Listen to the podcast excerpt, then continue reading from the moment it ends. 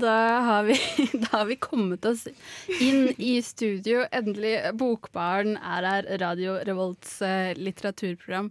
Vi har jobbet så hardt i dag at vi ikke ble ferdige til klokken åtte. Vi kom inn ett minutt over åtte, og nå er vi i gang.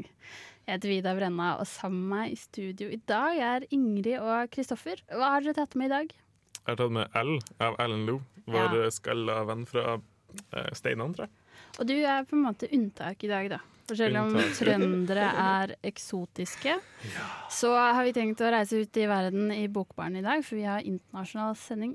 Du har kanskje dratt litt lenger enn Kristoffer, eh, Ingrid? Ja, jeg har faktisk dratt til Japan, så jeg har reist litt, litt lenger. lenger. Jeg har egentlig dratt med en. Jeg har dratt med en til en øy i Stillehavet. Så selv om vi har skjermen fra Trøndelag, så er jo det eksotiske og spennende Ja. fra Stillehavet. Dere Mm. kan sette dere på flyet også, dere trøndere. Mm. Jeg skal ikke erte noen for å ikke ha dratt langt. Jeg har tatt med en bok fra Malmö. og så har jeg tatt med en bok fra Nicaragua, da. Og eh, så har vi også et lite overraskelsesdikt. Som kommer helt fra Midtøsten. Så det er mye rart som skal eh, spilles av på radioen i dag. Vi skal høre en anmeldelse. Eh, den har jeg skrevet. Det er Christian Lundbergs En hjemby som skal anmeldes. Men før vi hører den anmeldelsen, så skal vi høre Elvis Costello and The Roots med Wake Me Up. Romanen En hjemby med undertittelen 'Forestillingen om å bevege seg gjennom klassemørket' er avslutningen på Christian Lundbergs Malmö-trilogi. De to forrige bøkene er beskrivelser av hans tid som rettighetsløs, timebetalt havnearbeider, og en fortelling om kjærlighet som tåler mye, men ikke alt. De forrige bøkene er skrevet med et lyrisk språk som har virket meningsløst på sitt verste og slående godt på sitt beste. De forrige bøkene er skrevet i et lyrisk språk som har virket meningsløst på sitt verste og slående godt på sitt beste. I uskjønne ordelag har Lundberg beskrevet en arbeiderklassetilværelse. Og i En hjemby fortsetter Lundberg dokumentasjonen av livet i Malmö, og han tar med seg den fortellende og undrende jeg-personen fra de forrige bøkene. Klassene har ikke endret seg siden sist, og Lundberg åpner boken med et Marx-sitat. Fortelleren i en hjemby, som for øvrig deler navn og hjemby med forfatter Lundberg, er bærer av en sterk historie. Han vokser opp med en psykisk syk mor og lever i store deler av sin barndom i en tilsynelatende grenseløs usikkerhet. Moren min sa til meg i dag er du nødt til å gå på skolen. Vi har ingenting å spise hjemme. Ingenting. Så gråt hun. Snudde meg rundt i senga, sovnet igjen. Kan ha vært 11-12 år gammel. Hva skulle jeg gjort? Hvor mange slike scener klarer man å bære for alt brister? Fattigdommen følger Christians familie, og sammen med morens sykdom blir tilværelsen en evig kamp for å få mat, penger og ikke minst det å overleve. Når jeg-personen Christian kan skrive fortellingen om barndommen, er også hans faktiske overlevelse et poeng. For han vokser ikke opp alene. De er mange som er i samme situasjon som han, og disse vennene de er døde når historien skrives. Og det er som eneste gjenlevende Christian forteller også deres historier. Og nettopp det er et poeng som tvinger seg frem, at fortellingen hans ikke er unik. At oppveksten han opplevde var noe som har opplevdes kollektiv. At de var flere. For det meste gjentar seg. Og teksten den er preget av setninger som kommer igjen og igjen. Og det er nesten som at forfatteren ikke har bestemt seg for hvordan han best kan beskrive det han vil fortelle. Råtner, bøker, ord, kropper, forsikringer, løfter, håp, framtidsminner. Alt råtner. Det lyse går over i det mørke. Det faste forvandles til det løse. Døden er helt ubegripelig. Treffer som en pil skutt fra lang avstand. Plutselig er ingenting som det en gang var. Alt er forvandlet, summende. Kommer hele tiden tilbake til utgangspunktet. Til selve basstonen som gjenlyder i alle fortellingene mine. Og det er ingen lystig lesning, det her. Og det er heller ikke enkelt skrevet. Den monologiske fremstillingen, gjentagelsene og fortsatt de lyriske bildene sørger ikke akkurat for flyt i lesingen. Og det er jo et grep seg selv. Tekster trenger ikke å være krystallklare for å ha en verdi. Men når Lundberg skriver, er han nesten fra første side dømt til å falle i blødmefellen. Og det gjør han igjen og igjen. Hun snur seg i søvne. Ansiktet hennes lyser. Er hun en menneskelig lampe? En strøm av lys som leter seg ned i mørket. Kirsebærtreet er friskt, sterkt. Det blomstrer. Hvitt. Og klart, det er forstyrrende.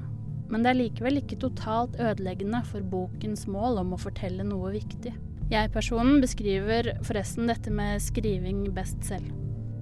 Å skrive kan av og til være å bli en tåkelur i en tett tåke. Å skrive kan av og til være like mulig som å gå på vann. Brøkdelen av et sekund er fotsålene stille mot overflaten. Så synker man igjen. Grensene for hva man kan tåle som menneske, er tilstedeværende som tema gjennom hele boken. Grensene for hva man kan tåle som menneske, er tilstedeværende som tema gjennom hele boken. Det er påtrengende og selvfølgelig tankevekkende, det som beskrives. Og det er uten tvil fortellingen om en virkelighet som finnes også utenfor denne bokens begrensninger. Uh, hi, it's uh, Jakob Minsti, and you're listening to Bookbaren at Daily World. Det var uh, Christian Lundbergs uh, En hjemby. Det er jo ikke så langt til Malmö, men det er jo likevel utlandet, eller hva dere? Jo, det er jo absolutt det. Det er jo, det er jo så, lenge, ja, så lenge det er litt utenfor Norge, så er det greit. Du kan ta tog dit. Koster sikkert 300 kroner. Eh, ja, eller Mm. buss eller fly. Eh, uansett eh, hvordan man kommer seg til Malmö, eller man kan gå, ja. Så eh, har vi anmeldt de to forrige bøkene til Christian Lundberg. Mm, så dette var avslutningen på den trilogien. Mm, det, er veldig, det er veldig rart. Jeg tror vi har gitt de to forrige bøkene ganske gode anmeldelser. Ja, jeg var i hvert fall veldig fornøyd eh, da jeg leste nummer to. Og jeg anmeldte jo den første, Jarden. Mhm. Og den andre, Og alt skal være kjærlek. mm. Eh, den var du også veldig fornøyd med. Eh, her så er det litt trist. For jeg har gledet meg innmari til å lese Christian Lundberg. Jeg har ikke klart å bli ferdig før nå den nest siste sendingen i semesteret. Og jeg begynte å lese den nesten helt på starten av semesteret. Mm, det har liksom vært litt sånn at man har gledet seg. Er Vida ferdig? Er du klar for uh, siste? Men uh, det ble først nå. Det ble først nå. Det var en grunn til det, liksom? Eller? Ja, Den er knalltung. Den er Mm. knalltrist, eh, og det er masse vanskelige temaer som tas opp. Og så gjentar han de vanskelige tingene som er f.eks. en ganske eh, grusom overgrepshistorie. Som eh, rammer en hel kompisgjeng.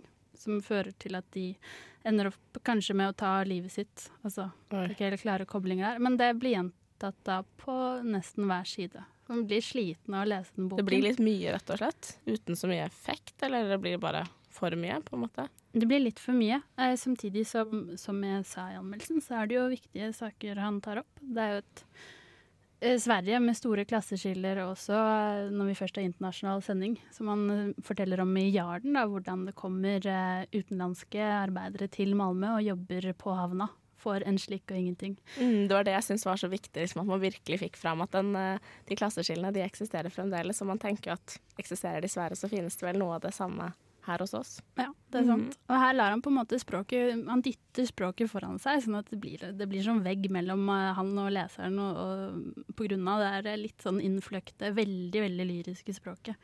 Som jeg syns tar litt for mye plass i denne boken. Jeg syns han kunne fortalt oss litt tydeligere hva det er han egentlig mener. Ja, ikke sant? For det, det var så fint med det forrige, syns jeg. Man Mm. skjønte litt hva greia var. Ah, men nå tror jeg bare jeg skal gjøre meg ferdig med han. Nå Ja, har jeg lest den. det var veldig godt. Men bør ferdig. jeg lese den, syns du det? Eller bør man lese den siste? Ja, hvis man vil. Hvis man vil. Ja. Men uh, de to første er kanskje viktigere. viktigere. Ja, men så er det en trilogi, da. Det er greit å lese alle.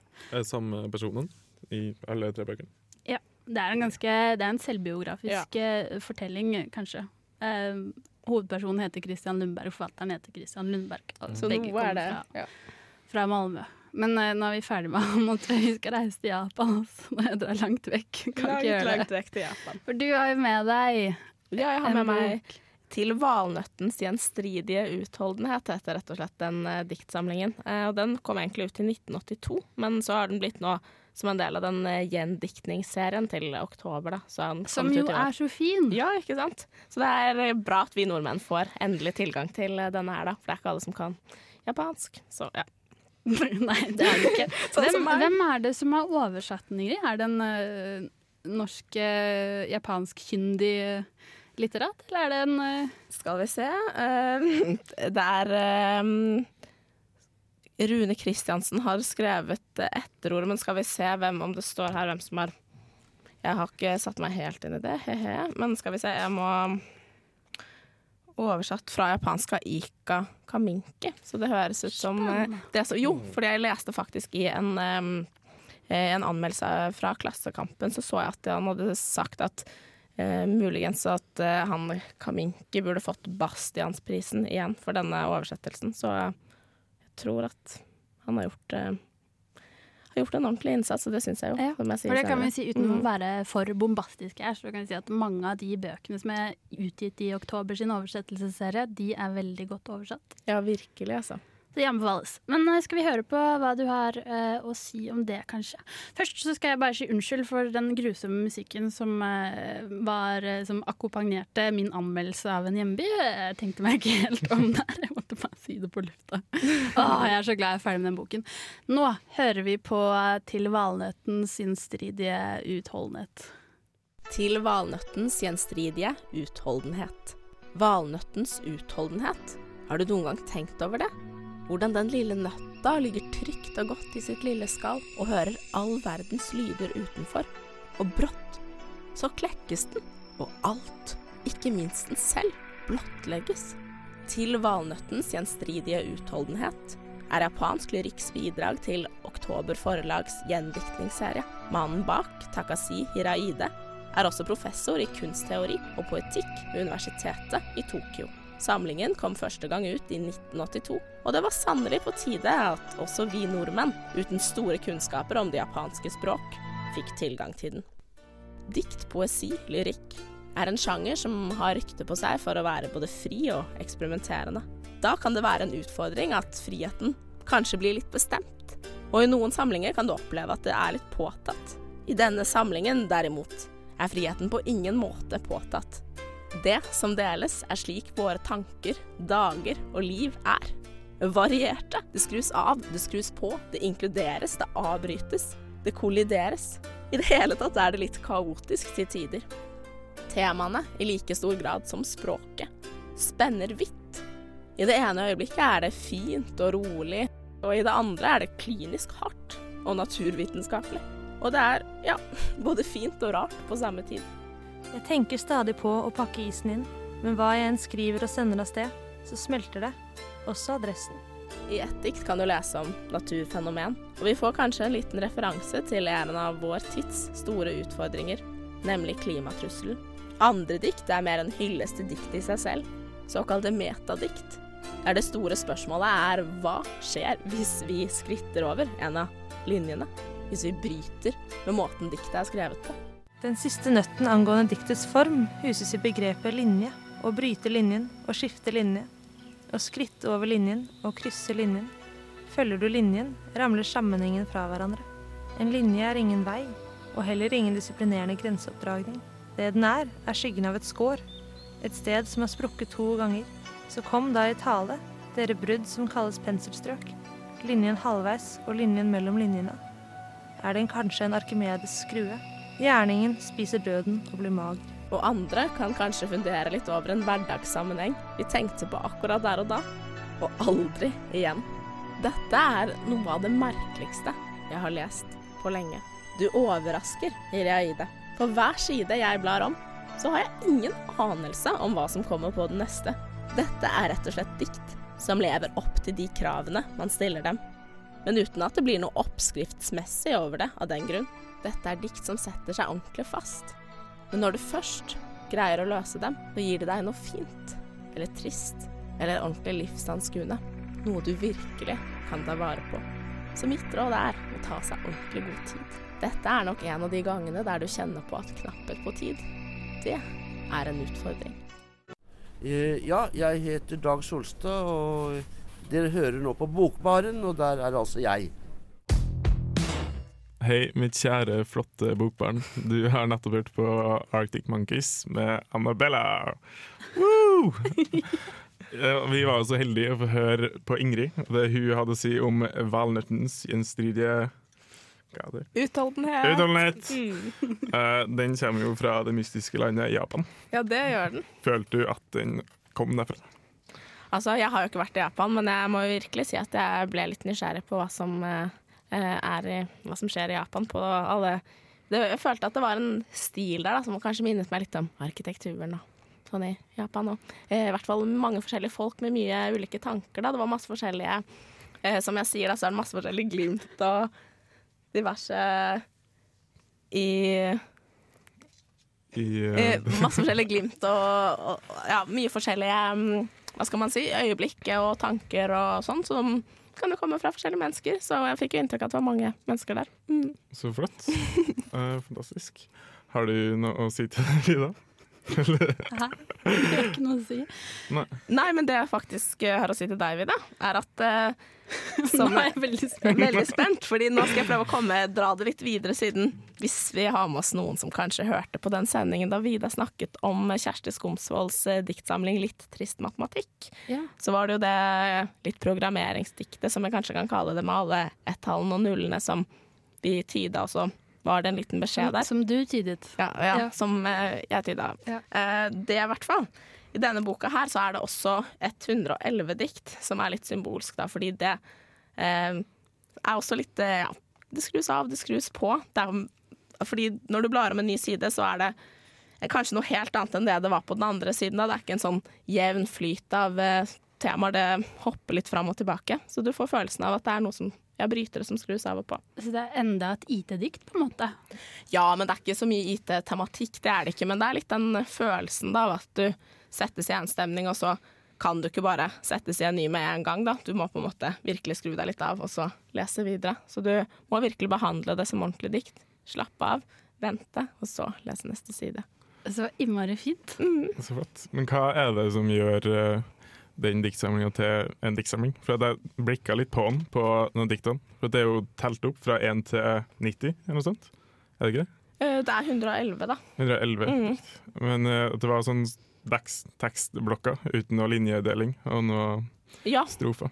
eh, så det er jo litt det jeg snakket om nå i forhold til temaene. Veldig det at du lever i en stemning eller et tema eller en tanke på den ene siden og så noe helt annet på den andre, da, som gjør at det er på en måte ikke noe sammenheng. Da. Det er det som er så fint. at- Og veldig sånn Det ene kan det være veldig eksistensielt, og i det andre så er det bare sånn Melk er godt, på en måte. Eller altså, det er noe helt hverdagslig, liksom. Altså, det, det er veldig fint. I tillegg så Mm, så er det litt morsomt også, for det er noen sånne metadikt eh, hvor de snakker mye om akkurat det derre eh, Hvilken linje skal jeg lese, eller skal jeg følge linjen, eller kan jeg bryte opp, og sånne ting. Og så er det jo bare vanlige linjer i dette, eh, i denne diktsamlingen. Ja, ja. Så det er en anbefaling fra deg?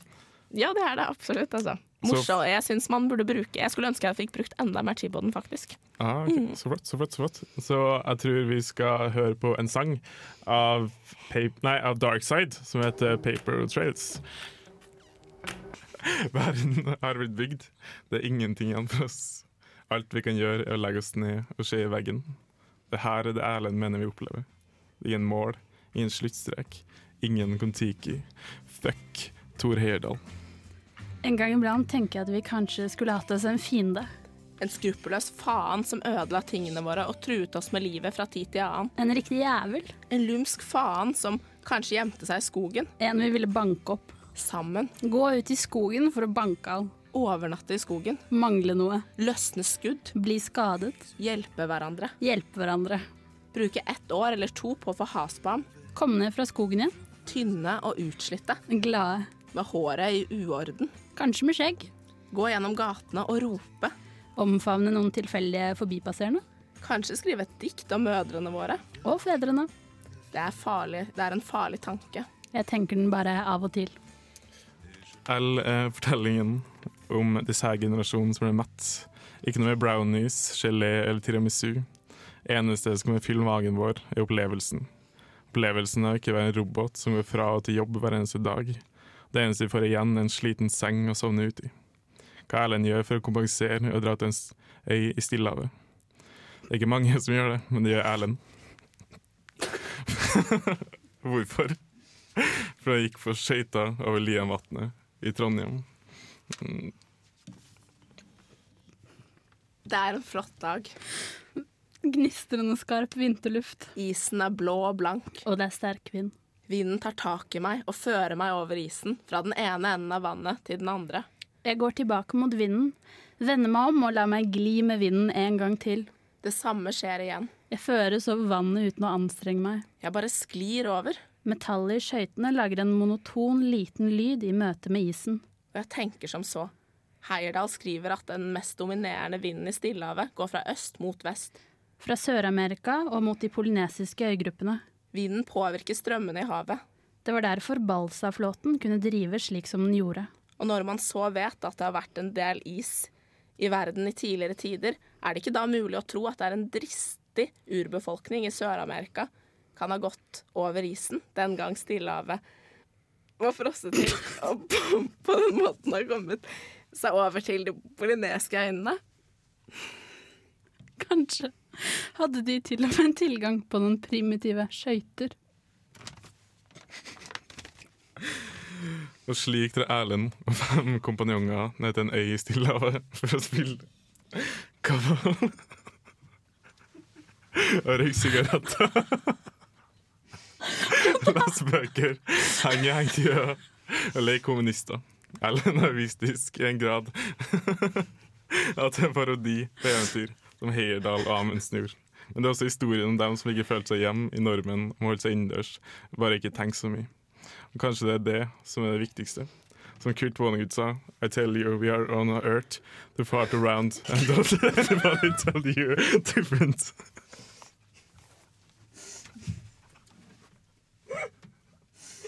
I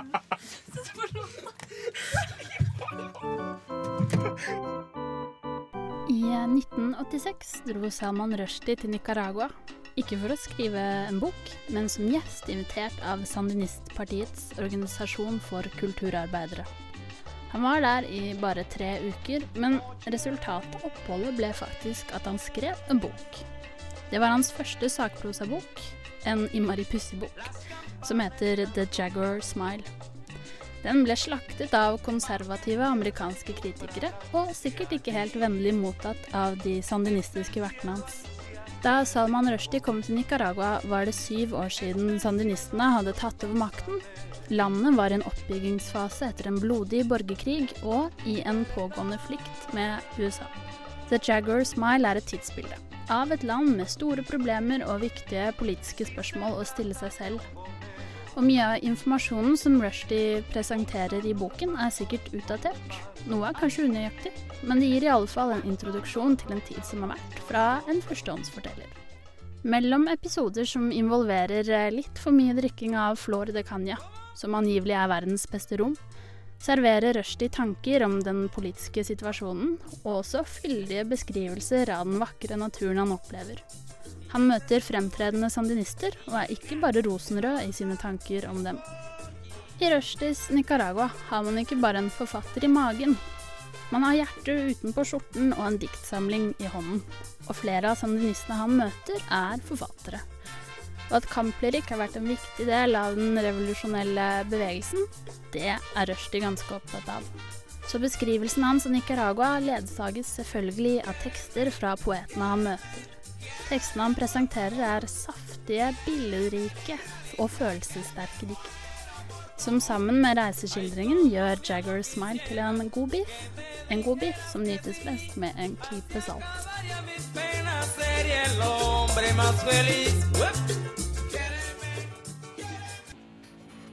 En sang. Det er sang på lufta! Ja. med mye introtid. Det er masse intro. Det betyr at vi skal snakke oppå musikken. Ja, det er en fin og flott sang som heter uh, Wooden Ships av These Shadows. Eller motsatt. Ja. Jeg vet ikke. Nei. Hei, du lytter til Jens Blindstrup fra Danmark, og nå skal du høre Bogbaren. Hei igjen, mitt magiske lille marsvin. Eh, Du fikk nettopp høre These Shadows med Wooden Chips. Chips som i å si chips som i potetchips, med som om du er forkjøla.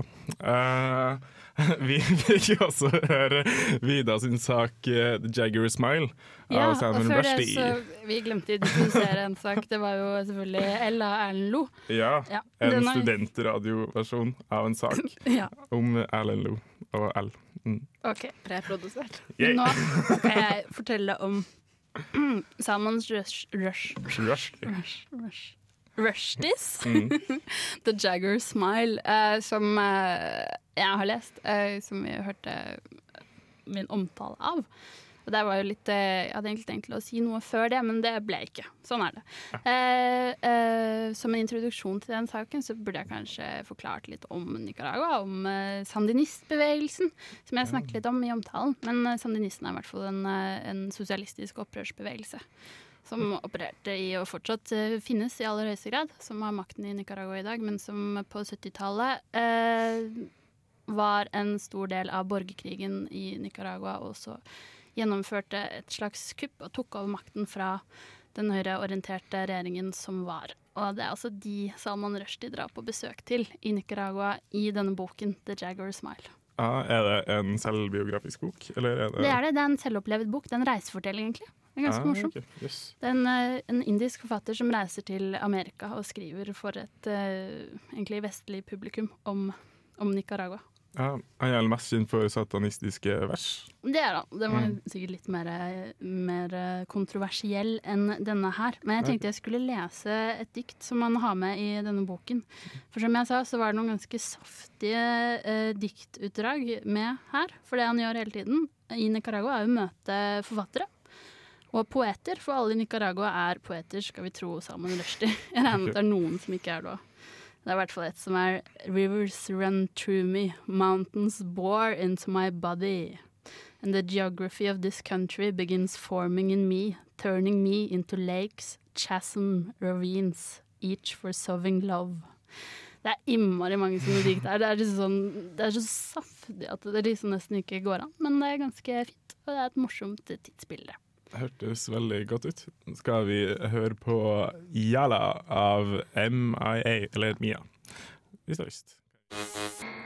Velkommen tilbake, du flotte, flotte lytter. Det har vært en sending med litt snuble ting og tråkk. Men eh, skal vi kanskje oppsummere hva vi har hatt om? Ja, eh, vi, jeg hadde med meg Christian Lundberg en hjemby. Mm. Bidro i din anmeldelse av eh, L, dessverre. Og så snakket vi litt om The Jaguar Smile av Salman Rushdie. Mm. Mm, og jeg hadde med meg eh, Til valnøttens gjenstridige utholdenhet fra Japan. Og så bidro jeg også og leste litt i L. Mm. Ja, takk veldig godt for det. Jeg hadde med meg L, og så har jeg prøvd, men ikke gjort det særlig bra. Og hadde sending, eller programansvarlig. Så jeg hadde med HG, Hildegunn Mortensen og Vida og Ingrid og Kristoffer. Yes, så bra. Ha det bra, du din flotte person.